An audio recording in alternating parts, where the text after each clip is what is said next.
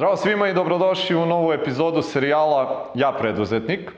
Danas smo u Staroj Pazovi, jedna onako fenomenalna porodična kompanija koju ćete imati prilike da čujete i njen istorijat, pošto počinje, boga mi, pre nekih tri i nešto decenije, koliko već traje. E, sa čovekom koji je druga generacija, koji je preuzeo već isto na neki način taj porodični posao, koji je verovatno u gledajući ovde naše prostori i legenda što se tiče ovaj te neke svoje strasti koju ima ne samo prema preduzetništvu nego uopšte prema sportu obzirom da je neko ko u svojim 40. u koje je već onako dobrano zagadio i dalje igra Super ligu i dalje je e, kapiten u e, svojoj odbojkaškoj ekipi i bavit ćemo se onako isprepletanim nekim temama i biznisa i sporta. Tako da mi je stvarno veliko zadovoljstvo da vam predstavim Miroslava Miška Radišića.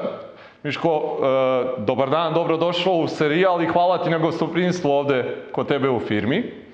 I evo za početak da te zamolim da predstaviš i sebe i svoju porodičnu firmu koju sam spomenuo ovako u uvodu. Dobar dan svima. E, drago mi je da sam jedan od učesnika vašeg serijala. E, pa eto, šta da vam kažem, e, nalazite se u jednoj firmi koja je osnovana 1982. godine kao samostalna radnja. Otac je -hmm. počeo s ovim da radi. E,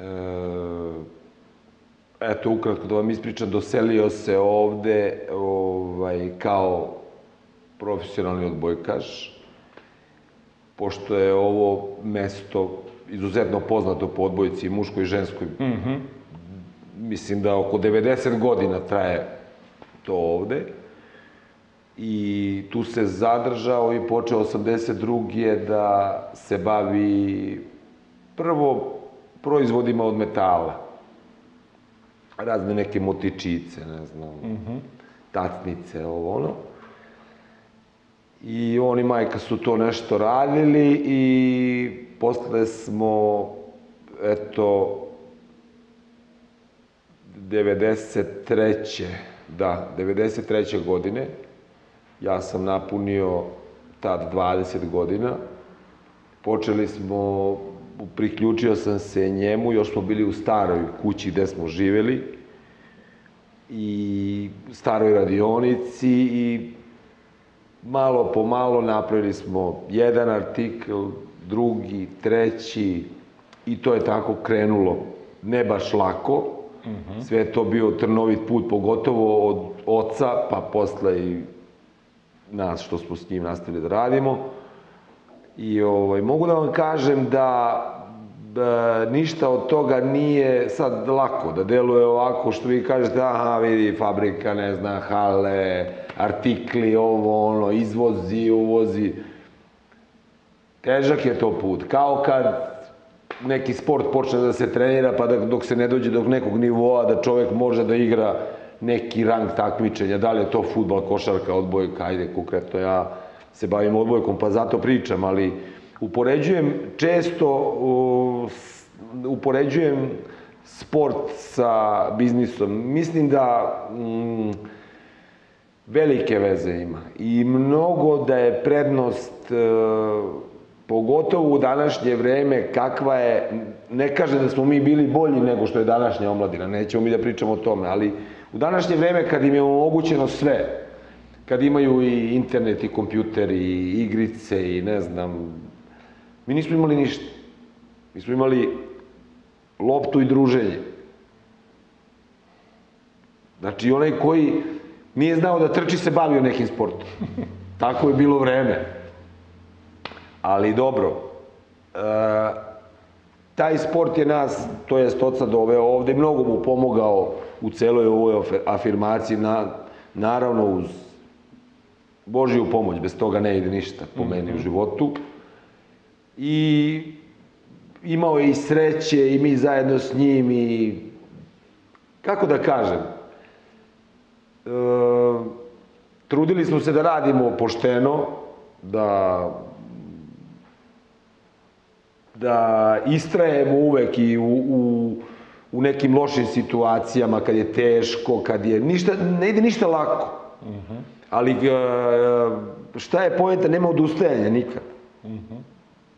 Znači, nije bitno koliko ćeš puta pasti, nego koliko ćeš se brzo podići, to je nekako moje mišljenje i u biznisu i u sportu, kad to već pravimo pandam između te dve stvari, ali jednostavno o, dugačak je tog put, to je nekih 38 godina, za dve godine bit će 40 godina od kada eto radi. E, Hteo bi da te vratim baš na te neke početke. Šta su neke prve stvari kojih se ti sećaš uopšte vezano za, za taj posao koji je tvoj otac počeo? Jesi bio uključen onako kao klinac u te neke stvari da malo pomogneš? Jel te zanimalo sve to uopšte? Pa znate kako, e, te 82. godine ja sam imao 9 godina. E, Sa nekih 10-11 godina već kad je trebalo nešto da se pakuje, nešto sitno da se pomaže, bio sam tu, ali nisam bio nešto mnogo zainteresovan, iskren da vam budem. E, kad je trebalo da se radi, radio sam. Više, sam, više me je vukla neka trgovina, recimo na moru sam sa jednom drugaricom prodavao olovke kad sam imao 13-14 godina na moru u Hrvatskoj, pa ne znam ovo, ono, s- s- e, imao sam taj duh i kao klinac. Uvijek sam zamišljao da ja imam sad neku robnu kuću, da ja nešto prodajem, neke igračke, nešto ovam, onamo. Sve je to bilo nešto što je, e, kako da kažem, e, za šta je moralo da se čovjek mnogo, mnogo, mnogo i odriče i trudi i radi, evo otac radi sad ima, on je 52. godište, 1952. u penziji je već 8 godina, ali on sad radi kao da ima 20 godina. Mislim, i verovatno će raditi dok god ga, dok god ga zdravlje služi da može, a hvala Bogu dobro je. E sad, ja eto radim tolike duge godine, sin moj ovaj, ima 16 godina, njega isto to dosta interesuje. Sad, na njemu je, ja mislim, najveći zadatak. Veći nego na meni. Mhm. Sad sam to baš htio da te pitam. E, ti si, e, dakle, imao 9 godina kad je otac pokrenuo sve i već si, e, spomenuo si tu 93. godinu, već si na neki način i ti imao nekih 20 godina kad je to prešlo možda u neku ozbiljniju fazu. Zanima me, e, kad je počela, kad se pojavila tu recimo tvoja strast neka prema odbojci i kako si uspevao da, da stigneš i na jednu i na drugu stranu? Pa, Znate kako, um, ja mislim stvarno onako, kad sve saberem i oduzmem da čovjek kad hoće može sve. Da je volja čudo, meni ništa nije teško, me, ja ne znam, e, koliko god da, da, da sam umoran, ne znam, od posla, od ovog, do onog, ma nema šanse da ne, ne odem na trening, mislim, što je moj otac, ovo ću reći, ma- malo, malo je ovaj, smešno, kaže, ne- kaže moj otac, ne daj Bože samo da umrem petkom. Sad ovi svi pitaju, pa što da umreš petkom? Pa kaže, diće me Miško na tama, reći u ponedeljak umro tata kad prođu sve utakmice. Mislim, moram se da kažem ovo. Ne, drago mi ja si podelio. Nadam se da mi neće niko zameriti, Ne, ali ne, ovaj, sigurno. tako da ja to volim, ali posao je posao, ne, ne, ne sme da trpi ništa. Spo, nismo spomenuli to, to, u stvari ti si rekao da, da je i otac bio odbojkaš, da je čak bio i reprezentativac Jeste, stare Jugoslavije i verovatno se ta ljubav negde i prelila na tebe. Tako je, da. da, da, da si, kad si krenuo, sa koliko godina je krenula ta neka ljubav prema odbojci? Sa 12 godina sam počeo da treniram. Da. I, i eto, dan danas, znači 35 godina sam u tom sportu. Jel e, bilo nekad možda momenata da, da, da si Da odustanem, ne. To sam sad hteo te pitam, da je Pa bilo ne. možda da moraš da biraš između jednoga ili drugog. Ne, pa neću da odustanem sa 46, sa 47, pardon, a ne sa 27. Hvala Bogu, bio sam zdrav. Nisam imao povreda nekih, imao sam samo jednu operaciju kolena, ali brzo sam to, brzo mi je to sanirano, tako da nisam imao, a i prenela se ljubavi na, na čerku, čerka mi e, je ovde, čerka mi je 22 godine, bila je ove godine u Francuskoj, prošle godine na Kipru, isto igrala. Sad je tu, student je i bavi se odbojkom isto profesionalno. Sad ne znam, vidjet ćemo. Mhm. A, ajde da se vratimo još malo u te neke dane prošlosti, e, kad si krenuo sa ocem da radiš, da si, da kažemo tako, aktivno uključen u rad firme. Koliko je otprilike firma tad imala? Je li bilo zaposlenih uopšte ili je to sve baš onako... Jeste. Čak, čak ima dvoje ljudi, a, šef proizvodnje i jedna gospođa koja radi tu od svoje, od svoje, ja mislim da je ona imala tad 18 godina, a ona sad ima 56 i radi još u firmi. A šef proizvodnje radi 37 godina u firmi. Ovde. Radi sad i njegov sin i... Hoću Koliko da firma kažem, sad ima zaposlenih? 55, 6, ne znam tačno. Ovaj, I imaju ljudi što rade po 15-20 godina. K- k- kako je u tim nekim počecima bilo uopšte, jeste imali neku sliku možda u tom trenutku gde ste imali viziju ovoga što je firma danas? Ili ste pokušavali da možda pravite neke planove ili je to više bilo onako neki spontani razvoj koji je dolazio vremenom? Znate kako, spontani razvoj ide, ide ako su ljudi normalni, ako nemaju prevelika očekivanja, nerealno. Jer znam mnogo mladih firmi, e, gde su, gde su druge generacije, treće, gde, gde ti ljudi imaju nerealna očekivanja po pitanju, aha, imamo, pravimo ovu čašu i još, ne znam, četiri artikla, hoću da imam sledeće godine u vreme još 14, ali nije realno. Moguće je sve, ali nije realno. I onda, ako bude četiri, on je kao u problemu jer nije ostvario to što je on zamislio. Znači, neka realnost mora da postoji. Vi možete da napravite ovu saksiju, recimo. Ja ne znam da li će ona da se prodaje. To ne zna niko.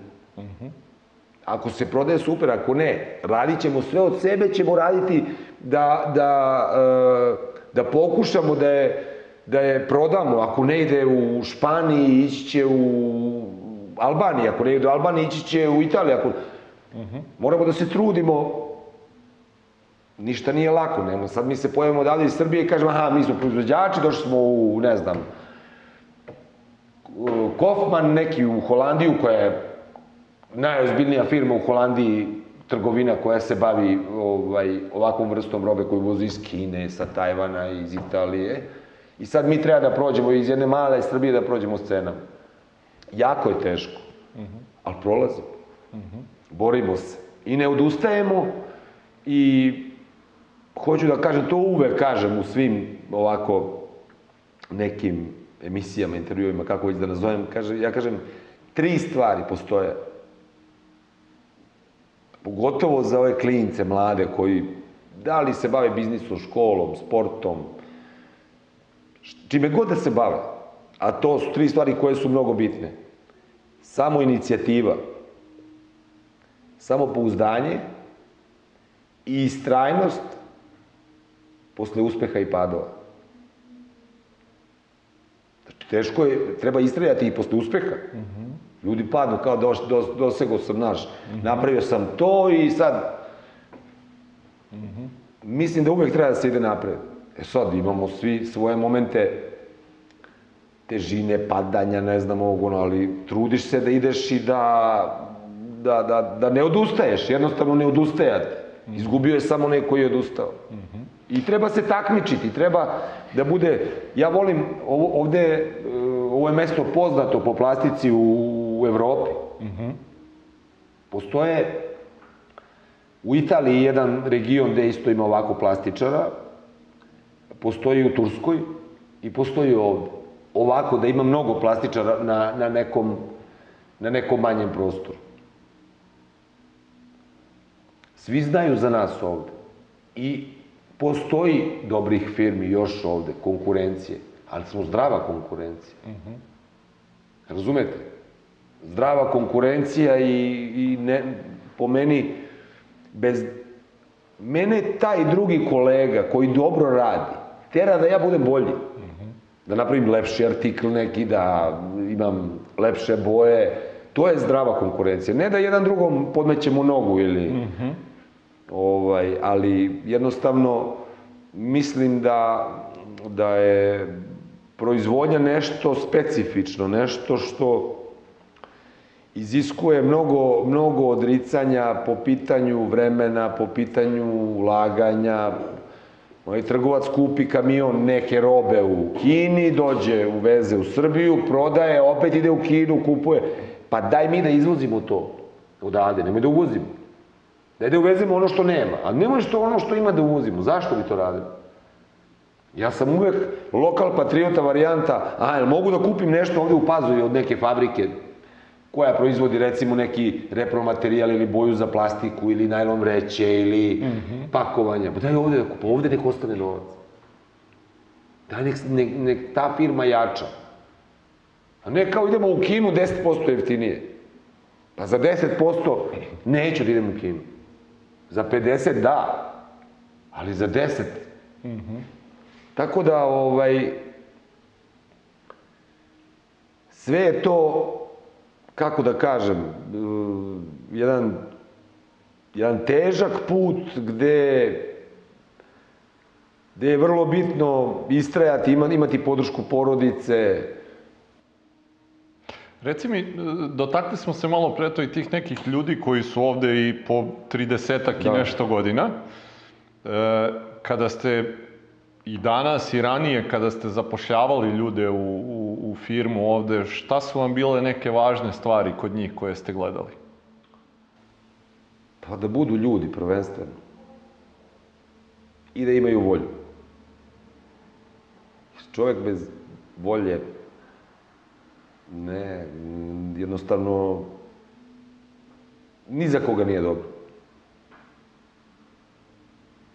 Teško je vreme, teško je, pogotovo sad, ne živimo mi u Lichtensteinu, pa da su ne znam kakve plate. I nisu to neke plate da može da se živi raspušno sa tim, ali kako god redovne su, tu smo i da pomognemo tim ljudima šta god treba i, i bitno je da oni budu motivisani, jer smo mi tim ovde. Nisam ja sam, ni otac, ni, ni, ni sutra sin, mi smo tim.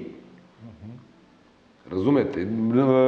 Koliko te sport naučio važnosti tog tima? Broj jedan.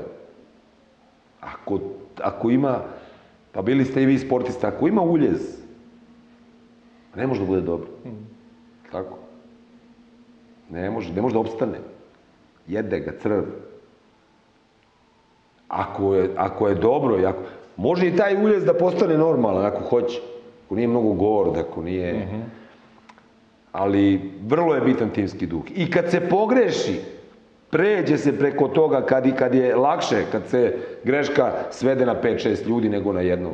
Ali dobro, okej je. Trudimo se da bude dobar timski duh. Šta su te neke stvari, recimo, kad si kao mladić bio još, dok si, eto, uz oca radio, šta su neke važne lekcije koje si od njega naučio u, u tom periodu? Pa prvo da kažem jednu, jednu ovaj, vrlo bitnu stvar.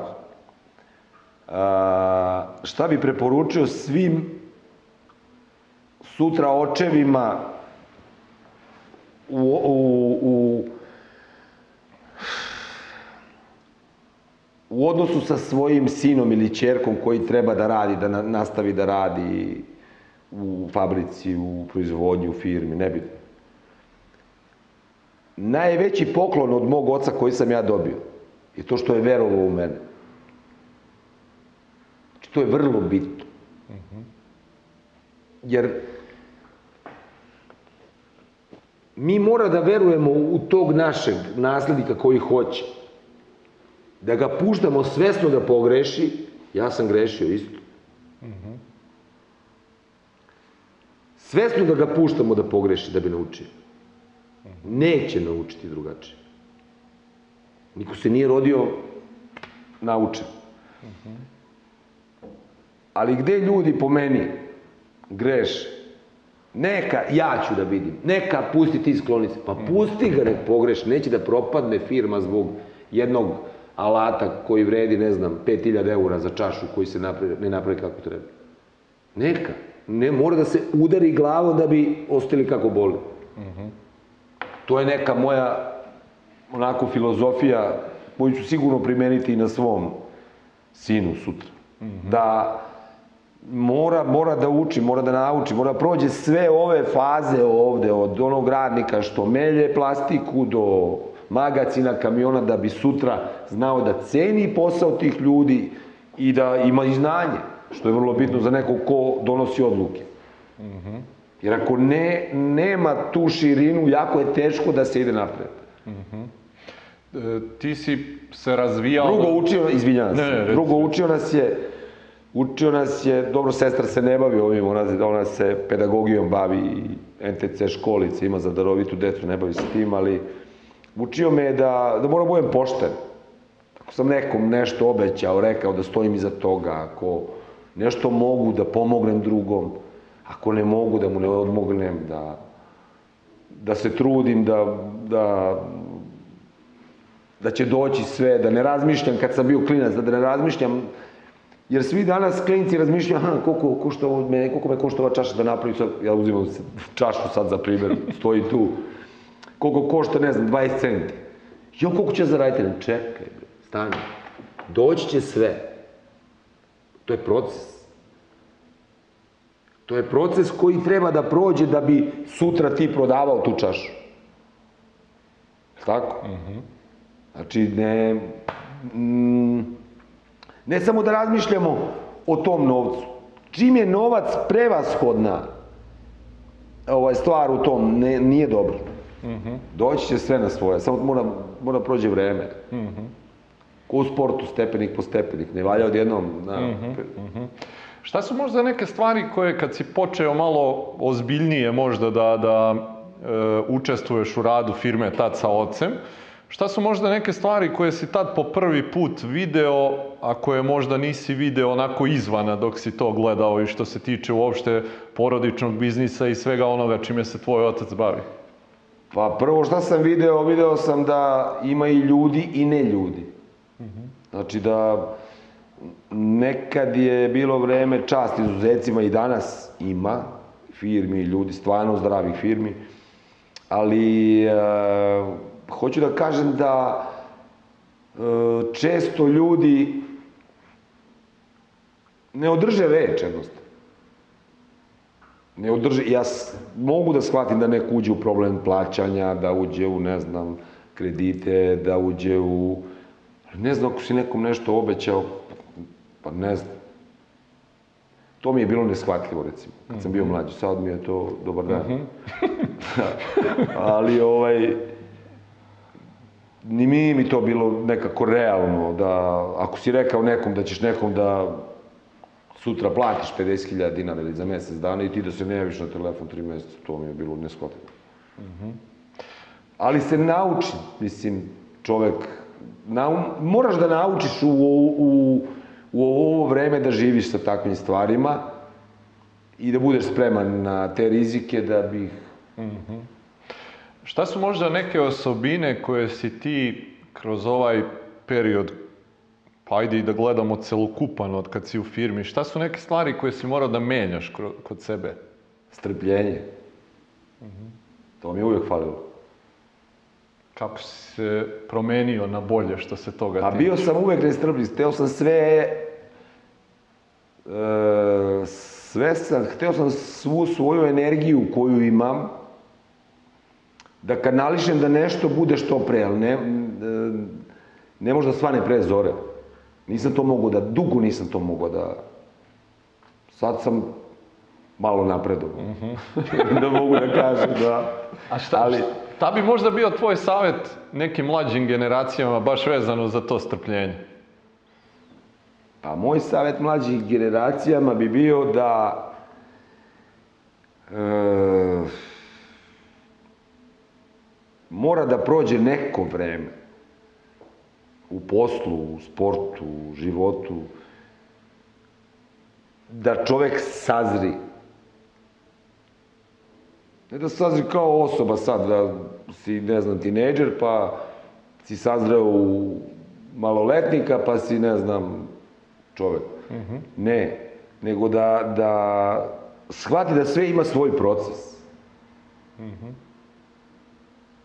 I ako je Božja volja da to treba tako da bude, bit će. Ako nije, neće. Neće. I to kad neće je dobro za nas. Postoji razlog zašto neće. Mislim, sad ne, nisam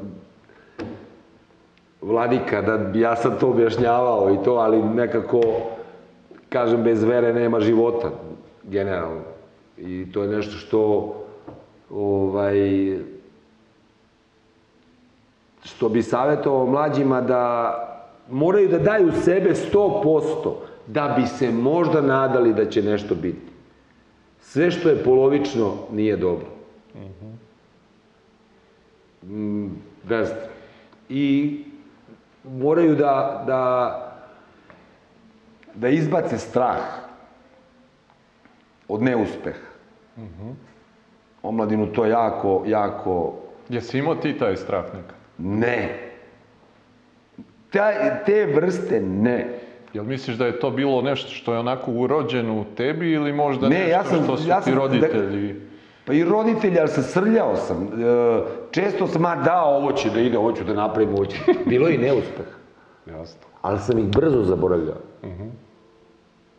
Bilo je i neuspeh, naravno, ne ide sve ovako. Ali strah je čudo. I u, u- mislim da, ovaj, jer čovjek onda ni ne rasuđuje dobro u poslu, niti, niti ima zdrave rezone kad je pod strahom. Jer mislim da je, e, kako je rekao, Njegoš, kaže, strah, iz Gorskog vijenca, strah životu, obraz kalja često. U bilo kojim situacijama. Pa i u sportu, ja sam imao recimo drugare koji su igrali sa mnom fenomenalni igrači, trening igrači. Čim je nešto bitno, nema, nema, strah, pojede ih strah. Pojede ih strah i, nažalost, e, mislim da je to iz detinstva i da malo čovjek treba da se rodi sa srcem. Taj pritisak koji nekako i većina preduzetnika nosi i koji raste i vremenom kako i kompanija raste i ti sad kad pogledaš, evo rekao si imate 50 i nešto ljudi, 50 i nešto porodica koje zavise ovaj, od, od nekih odluka koje vi donosite. Odgovornost. Kako se nosiš sa njom? Dobro, dobro, super. Nemam tu, nemam tu bojazan. Nemam, možda sam nekad i previše siguran u sebe, ali on, ovaj, možda to ne pokažem, ali oseti čovjek i kad napravi grešku neku, oseti to dobro, ali nemam, nemam tu dozu A kad, sad si rekao, možda si nekad previše siguran u sebe, kad treba da doneseš neku odluku, e, koliko se oslanjaš na neke onako analize logičke, a koliko na neki taj osjećaj?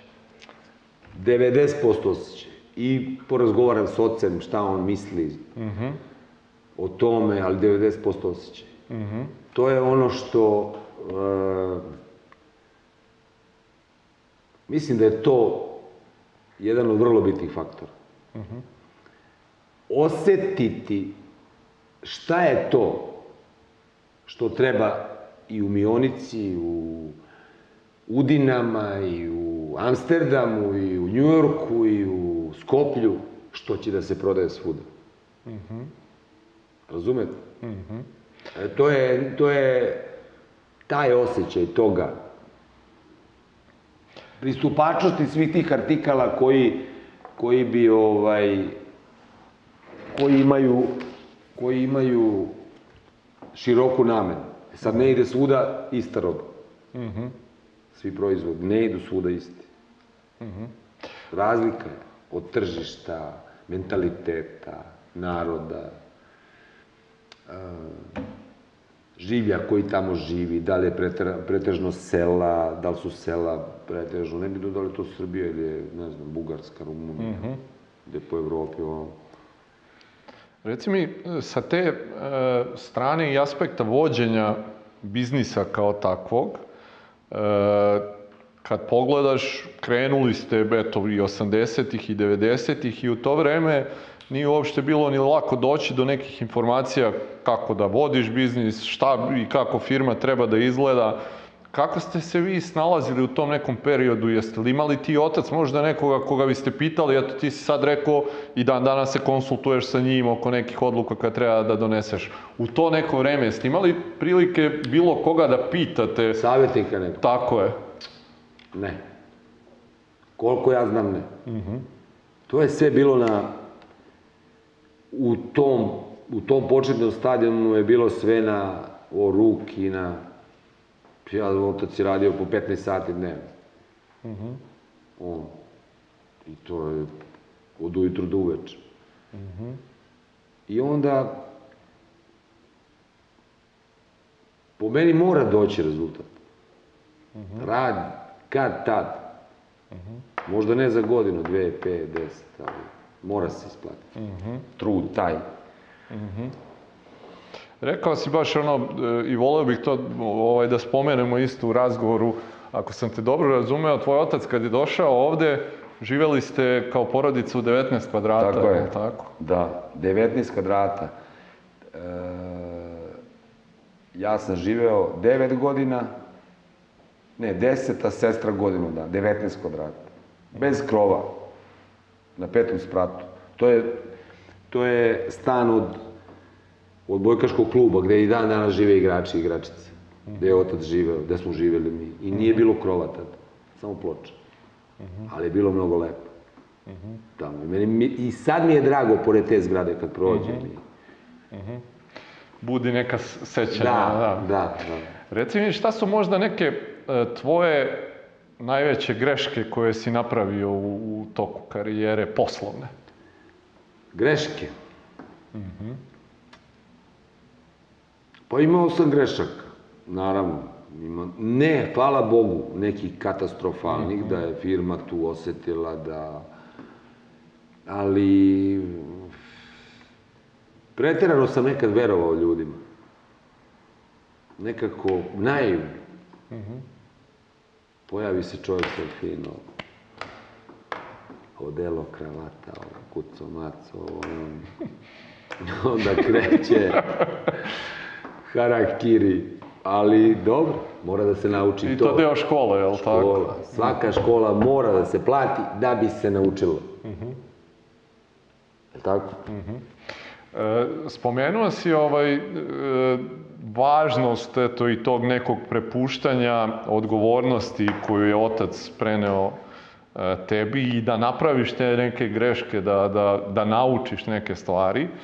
E, spomenuo si malo pre svog sina koji je evo u magacinima ovamo evo ga, radi neke je. stvari. E, kako izgleda e, njegova uključenost u, u, u rad porodične firme sad?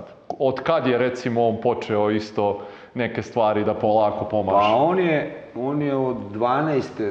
13. godine imao ideju za neki e, artikl držaš za mobilni telefon, pa onda neki držaš za šminku nam je sugerisao da napravimo ovamo, tamo. Interesuje ga to dosta. I ima šlifa. Ima više nego ja u tim godinama. E sad, nema ništa preko noći.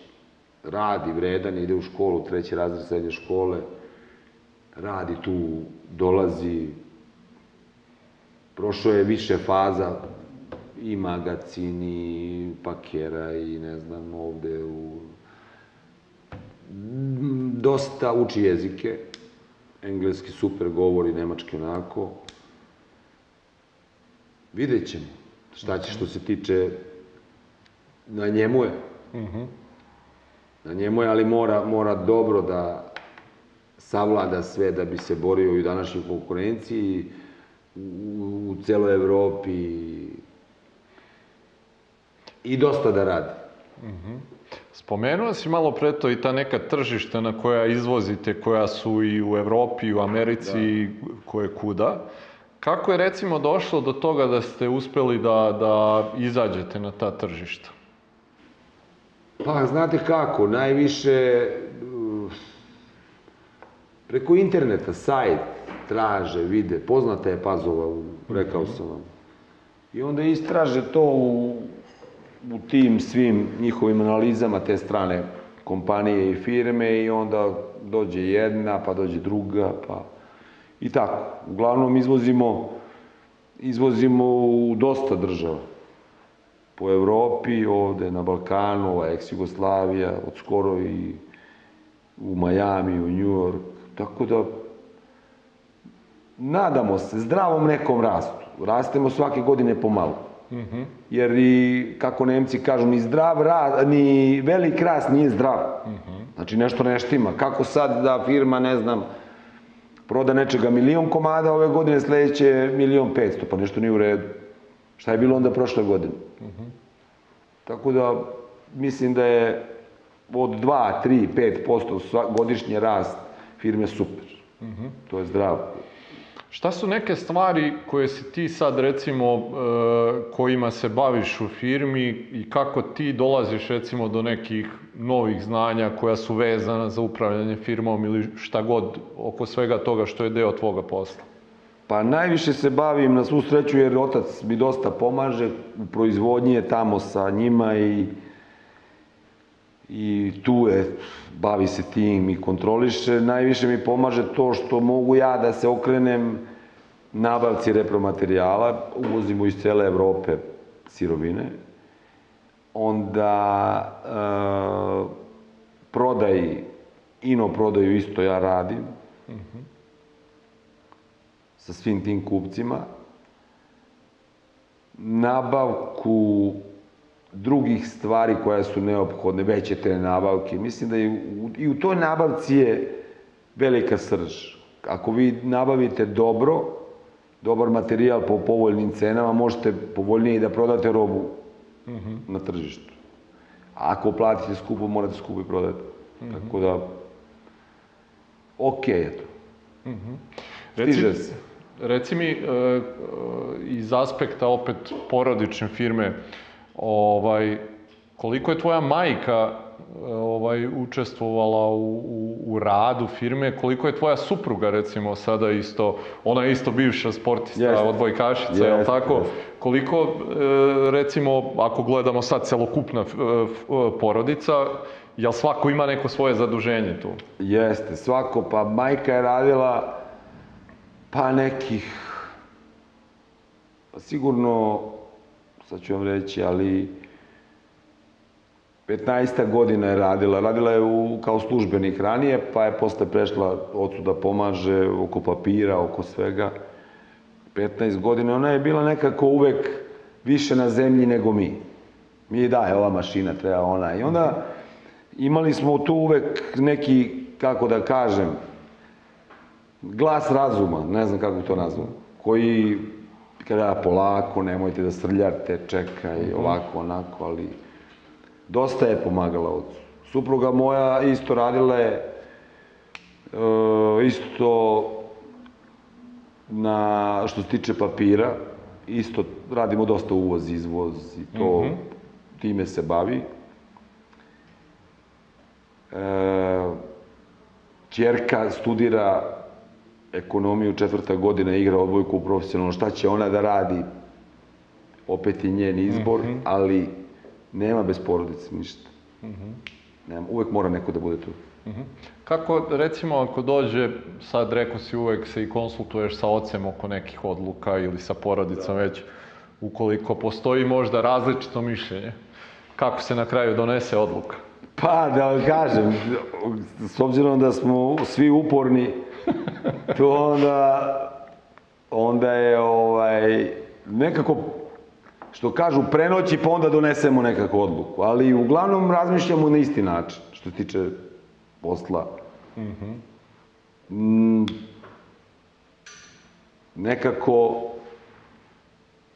podrži me. Zna, ima veru u mene da neću napraviti neš, neki artikl koji je totalno bez veze ili nešto, e, podrži me u tome. Nije nešto da sad, što se tiče oca i, i nemam tu, sad da kažem, neku kočnicu, nemoj ovo, nemoj, ne. Kako vidiš recimo e, u slučaju da, da tvoj sin odluči da, da e, želi da, da preuzme i upravljanje firmom i to, kako vidiš neki taj proces sad iz ovog ugla, šta misliš da su neki koraci koje bi ti preduzeo da njega polako pripremaš za to mesto? Najviše šta bi mu trebalo je volja. I da završi školu, da se iškoluje ili ovde ili negde u inostranstvu, jer mnogo se tu nauči. Ne ova varijanta, nigde ne može da se nauči ni u jednoj školi ono što se nauči u praksi. Ali ovaj dosta je bitno da zna jezike, to mu mnogo olakšava situaciju, da pogotovo sad što se gde god ti fakulteti što se tiče ekonomije, svi su na nekom, uči se po nekom evropskom, svetskom standardu, pravilima. Ne bi bilo loše da to završi.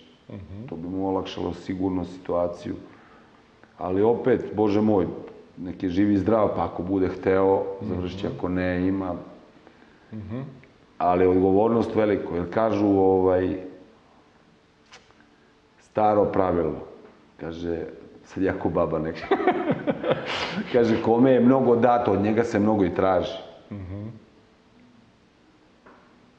sad, nek mu je Bog na pomoći. Reci, Ništa nije lako. Ne, definitivno.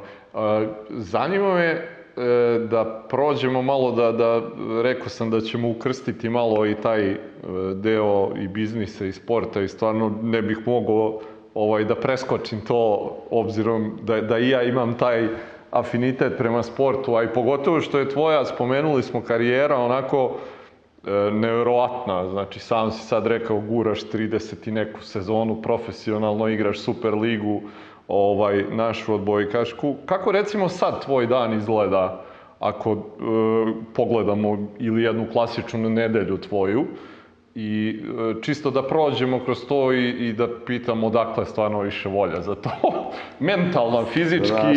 i nekako, mada i to za svaki ono ovaj respekt. Fizički, fizički nemam problem. Ja sam završio svoju karijeru više e, zbog mentalne ono iscrpljenosti. Došlo je da, da ono kad treba spakujem torbu za trening. Moji, moji saigrači sad su od 90. do 2002. 3. Moji saigrači. Znači, koji sa mnom igraju. Ja putujem s njima, družim se, zezamo se, sve, full, top. E, mnogo sam ispratio generacija. Sa svim tim drugarima sam ostao u kontaktu. Ovde u ovom klubu igram 30 godina. I to je fenomen, da ostaneš... Apsolutno. Zadržao me biznis, generalno, sam Verovatno, ostao zbog da, toga. to. I ne kajem se. Ne, i taj klub nam je mnogo dao, ne bi možda ništa imali od ovoga da otac nije tu došao da igra odbojku i hvala Bogu što je tako i odužili smo se mi tom klubu i uvek ćemo se odužiti i to mi volimo kao našu kuću. Ali ovaj, ustanem, ustanem ujutru i tipa, recimo imamo od 7 do 8 teretanu, idem da radim do 4, pola, 5 i u 6 imam trening ponovo. Odem kući, ručam malo ovo, ono, odem uh, na trening, vratim se kući, porodica, ne znam. I tako. Stižem sve, da me neko zove, idem i ovamo i tamo i... Odakle ta motivacija dolazi? Ne znam, majke. Ne znam. Stvarno imam nenormalnu energiju. ono, prosto mi je, ne- sad, sad mi je nekako žao, gledamo od petka do petka kako brzo prođe vreme. Pro- Mnogo brzo prolazi vreme, nije tako bilo ranije. Ode život, ali dobro, treba ga živjeti. Definitivno. Šta su neke ključne stvari iz sporta koje si poneo? U stvari još uvek nosiš. Jest. Sport je najzdravija stvar na svetu. Mentalno, fizički, kako god. Zašto? Pričali smo o on- onim usponima, padovima. E, ta sportska prijateljstva su specifična. Deliš, bre, sendvič jedan, deliš, setiš se. Ja sad recimo sretnem ljude s kojima sam bio u nekim kadetskim, omladinskim selekcijama, juniorskim, sretnem ih, žive, ne znam, po celoj jugi bivšoj. Pa kao da sam, kao da sam ceo život s njim. Takav utisak, takav osjećaj imaš. E, onda, e, prijatelji, kumovi, sve to povezano sa sportom. Sve je to nekako vezano, ta druženja, a, a, a sport, timski duh i, i vidi, nije, ma, nije, meni, ja, nemoj mislite ovo što je mi lako kad izgubim utakmicu, nije mi dobro. Ma kako, ne mogu da zaspijem. I sad, s ovoliko godina, nije mi jednostavno. Nije mi jednostavno. Ali ispričat ću jednu anegdotu. U avionu pre jedno 3-4 godine sretnem lika jednog Leteo sam iz Lijona nešto u Ženevu. Ne, iz uh, Ciriha u Lijon, u Francuskoj. I sretnem lika jednog srbenda, klasična naš, jedan srba. E, Priča telefonom na, na aerodromu, na gejtu. I seo on pored mene. Sasvim slučajno u avionu, ja ništa sad čutim. I pitam ja njega odakle ste, o, kaže, odakle ste vi, ja rekao, iz Stare Pazove, o, odakle ste vi iz... I kaže on iz Kraljeva, pa šta radite ovdje? Pa kaže, živim u Lijonu već 30 godina. Pa šta radite? Pa kaže on, odbojkaški trener sam u ženskim kategorijama. A, pa kaže, ti si iz Stare Pazove, rekao da. Pa kaže, znaš ti radiš iz Srećka? Pa rekao, znam, otac mi je to. Mislim, ti to, da, ovo, ono, ti igraš još, da, igram još. On čovek ima, uvozi iz Srbije smrznuto voće i povrće za Francusku.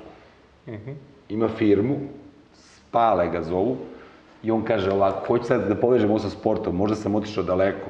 Kaže ovako, šta bih da ima napravio je ozbiljnu firmu, kapital strašno. Šta bi dao? A sve bi dao, kaže on. Da još jednom odigram užičko kolo u autobusu kad smo pobedili, kad smo bili juniorski prvaci države u Zagrebu. I ja ovako gledam u njega i on čovjek počinje da plače. To ima težinu.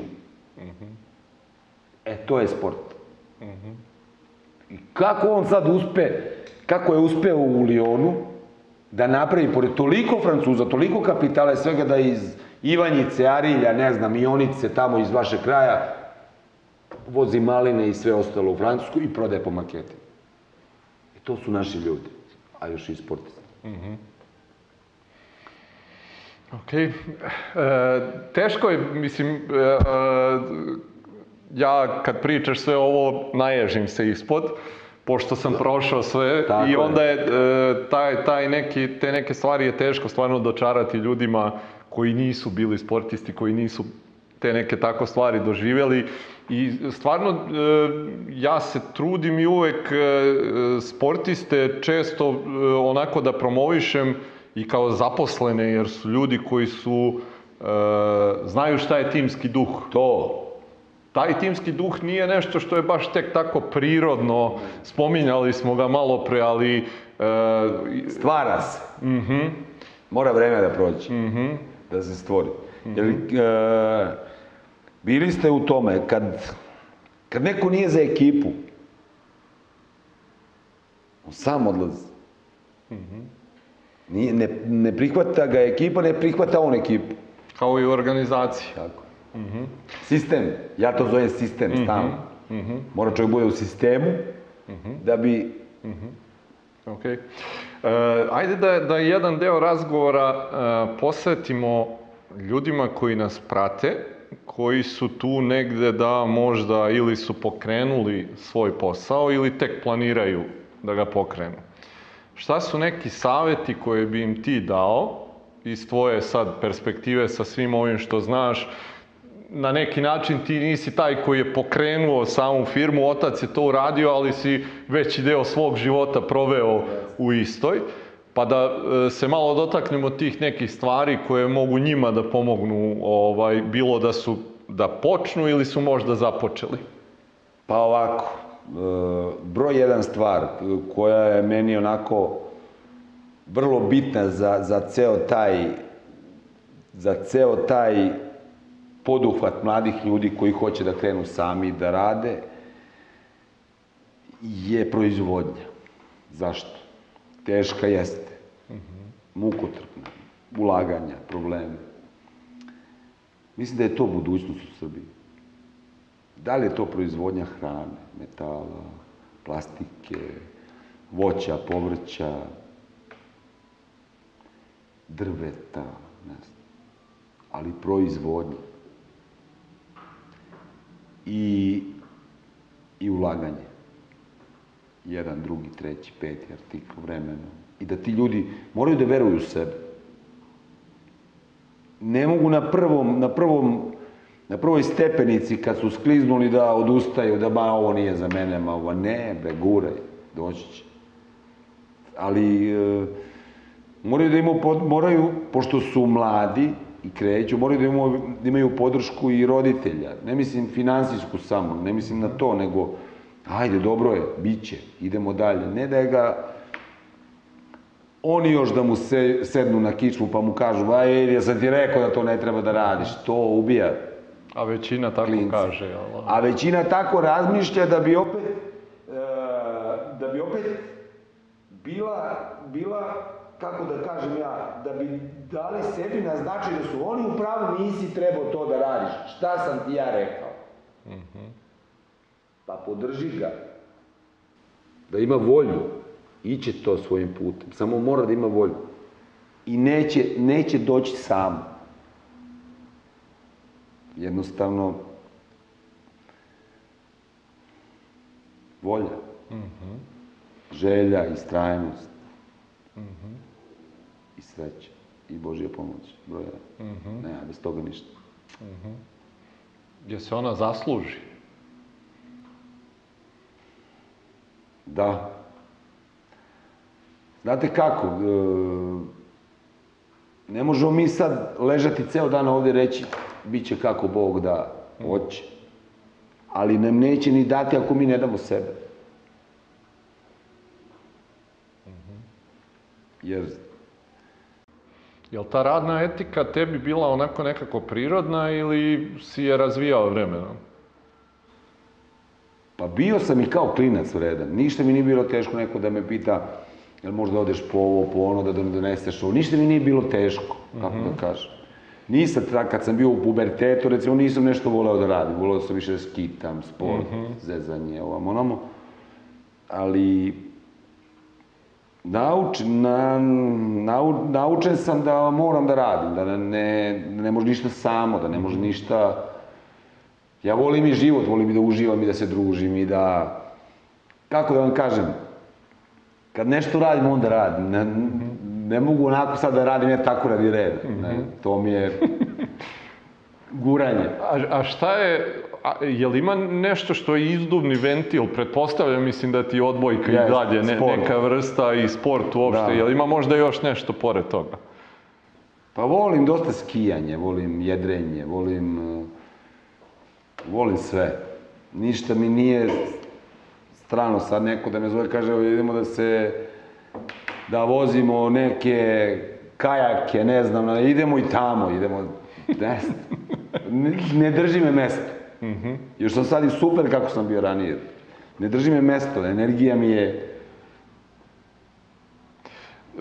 Vidi se i ovako dok razgovaramo, nisi na mestu uopšte, konstantno i rukama i Da. uriš marker i sve Da. izbija energija iz tebe na sve strane, to se apsolutno vidi I e, definitivno, znači, e, kažem, eto, smatram da, da je e, privilegija da, da imamo priliku da, da razgovaramo s tobom, jer stvarno ono, mislim da je malo takvih ljudi koji su uspeli da urade neke stvari koje si ti uradio i da uopšte taj neki tvoj e, mentalni stav i način kako ti doživljavaš e, život uopšte i neke stvari koje su vezane za njega su važne za neke mlade ljude.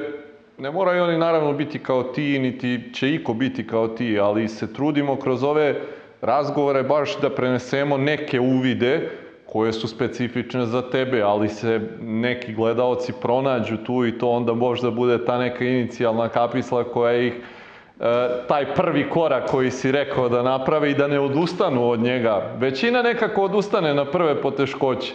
Mislim da i sport te tu dosta nauči da ne treba to da uradiš. Eto, apropo, izvini sad, radne etike. Je se desilo nekada da si pre- preskočio trening?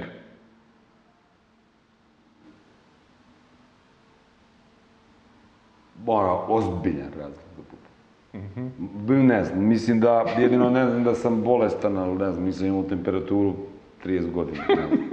Ali, ali, ali, ovaj, pa ne, redko. Baš da se zadesi da sam negde na putu, da ne mogu da... Da, da, dobro. Ali ovako, sad da sam tu i da kao neću ići na trening, umoran sam ili nema, ne. Kako? Ne, Red, mislim, ne znam. Morao bi baš sad da se setim kad sam bio tu, a da nisam otišao na trening. Da. Ne, i hoću da kažem, i, i taj deo te radne etike koju si ti spomenuo je nešto što ti sport usađuje kao detetu već, ono, da imaš obavezu, da treba da dođeš na trening. Moraš tad. A ovo je danas, sad niko ništa ne mora. E sad njih treba animirati.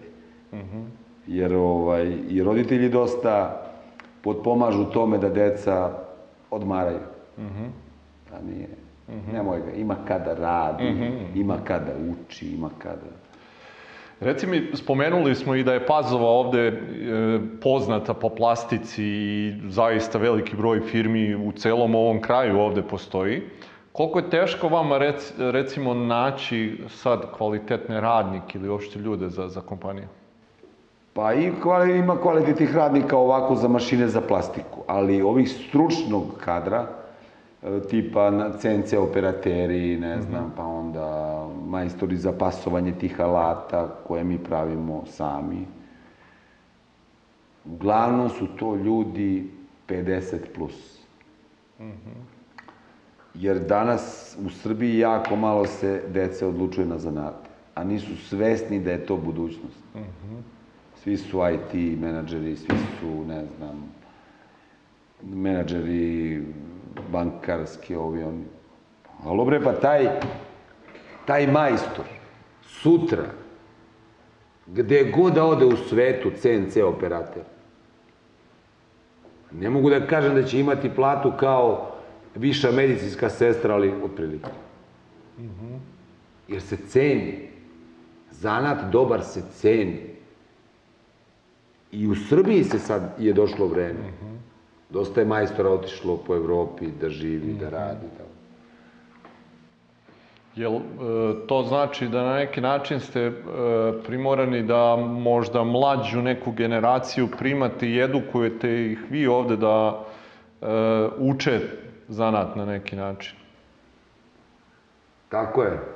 Postoje li neke stručne škole ili tako nešto ovde da... Pa evo sad sam čuo skoro jedna firma Inmult se zove iz Požege. Jako dobra firma. jedna.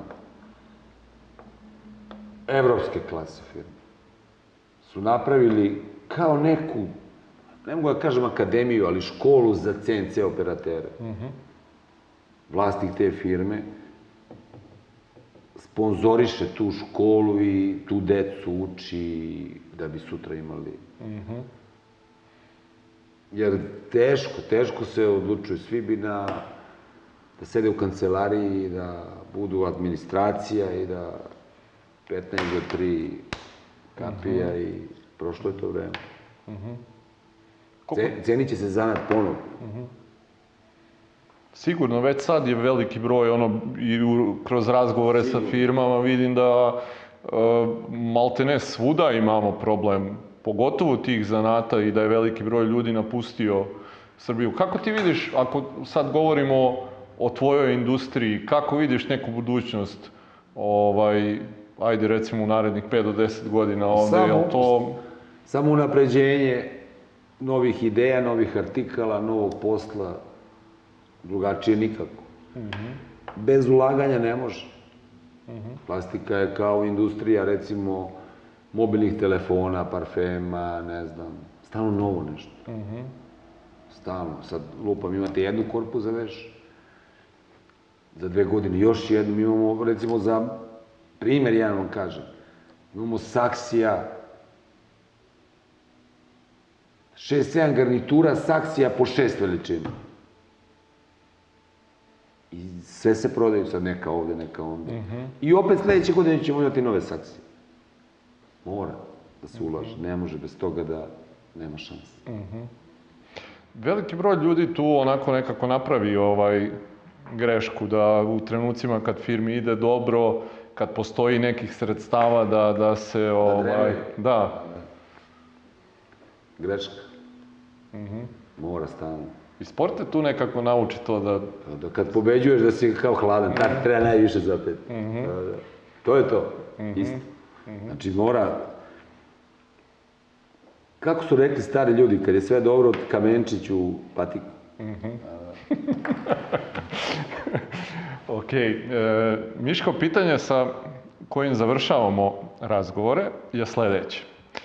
Da imaš priliku da se vratiš, pa eto, možda taj neki Miško 20-godišnji ili tako neki, sa svim ovim sad što ti znaš i da imaš mogućnost da mu daš par mentorskih saveta.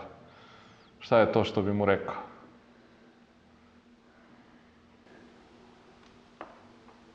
Da veruje u sebe, da bude vredan, pošten,